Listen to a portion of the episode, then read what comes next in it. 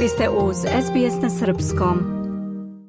U Njujorku je u četvrtak uveče održana vanredna sednica Saveta bezbednosti Ujedinjenih nacija o situaciji na Kosovu. Predsednik Srbije Aleksandar Vučić je u svom obraćanju istakao da je stvaranje nepodnošljivih uslova života za kosovske Srbe i njihovo proterivanje sa Kosova i Metohije jedini cilj vlasti u Prištini. Vučić je rekao da je Beograd tražio sednicu Saveta bezbednosti jer su aktivnosti Prištine takve prirode da mogu izazvati nepopravljivu štetu u periodu do sazivanja redovne sednice o Kosovu krajem aprila – Direktan povod za podnošenje zahteva je odluka Centralne banke Kosova kojom su transakcije u dinarima zabranjene od 1. februara. Ta mera predstavlja napad na Srbe jer njihov opstanak na Kosovu i Metohiji u velikoj meri zavisi od dinarskih sredstava koja dolaze iz budžeta Srbije, naveo je Vučić. On je rekao i da Priština nema nikakve argumente kada tvrdi da je ukidanje dinara preduzeto radi obezbeđivanja vladavine prava. Imajte na umu da oni koriste termin vladavina prava isključivo da bi naudili Srbima i Srpskoj pravoslavnoj crkvi, kazao je Vučić.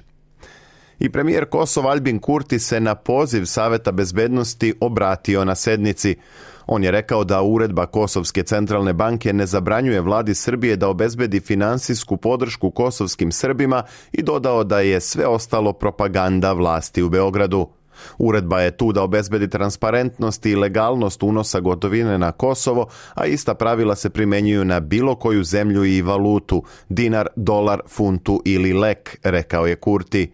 Kurti je istakao da je kosovska vlada spremna da obezbedi neometanu tranziciju s dovoljno vremena, dodajući da Beograd nije zabrinut zbog dinara, već zbog nemogućnosti da se džakovi novca prebacuju na sever Kosova na nelegalan način.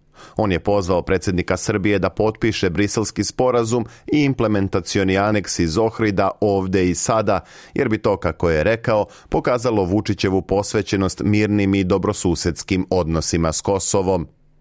Na vanrednoj sednici Saveta bezbednosti o situaciji na Kosovu govorila je i šefica UNMIKA Karolin Zijade.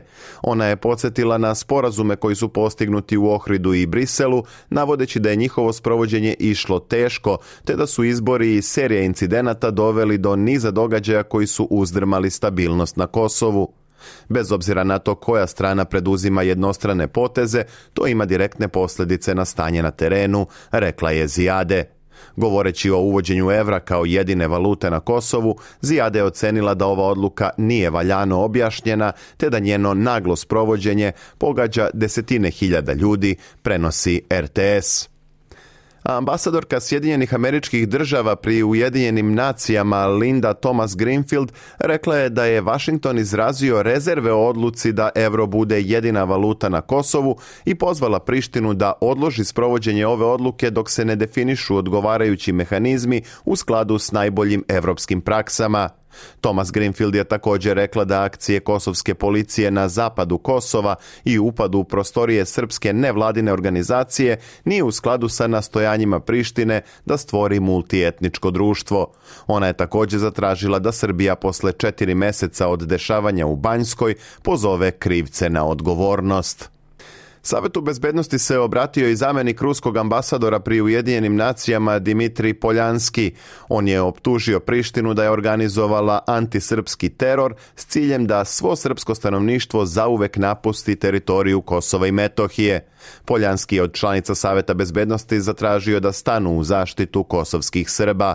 Zamenik ruskog ambasadora je podsjetio da je kao rezultat ovakvih akcija Prištine oko 40% kosovskih Srba napustilo Kosovo i dodao da je odluka o povlačenju dinara uzrokovala ekonomsku neizvesnost za veliki broj pripadnika manjinskih zajednica – Na taj način rizikujemo da dobijemo novo izbijanje međuetničkog nasilja, rekao je ruski diplomata.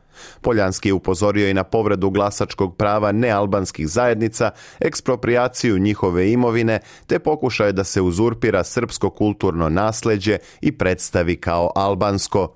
Moskva je takođe oštro protestovala protiv prodaje protiv tenkovskih projektila Javelin vlasti u Prištini a kineski ambasador pri UN-u Zhang Yun ocenio je da su jednostrani potezi vlasti u Prištini imali ogroman uticaj na živote kosovskih Srba i izazvali tenzije i paniku koju Kina smatra veoma ozbiljnim. Nove tenzije i obnovljeni antagonizam među etničkim zajednicama predstavljaju pretnju po regionalni mir i stabilnost i ne doprinose bilo čijim interesima, rekao je kineski ambasador. Peking je od šefice Unmika Karolin Zijade zatražio da zahteva ukidanje nezakonitih i nerazumnih odluka Prištine, dok je od privremenih vlasti Kosova zatražio da bez odlaganja odustanu od ovih odluka. Želite da čujete još priča poput ove? Slušajte nas na Apple Podcast, Google Podcast, Spotify ili odakle god slušate podcast.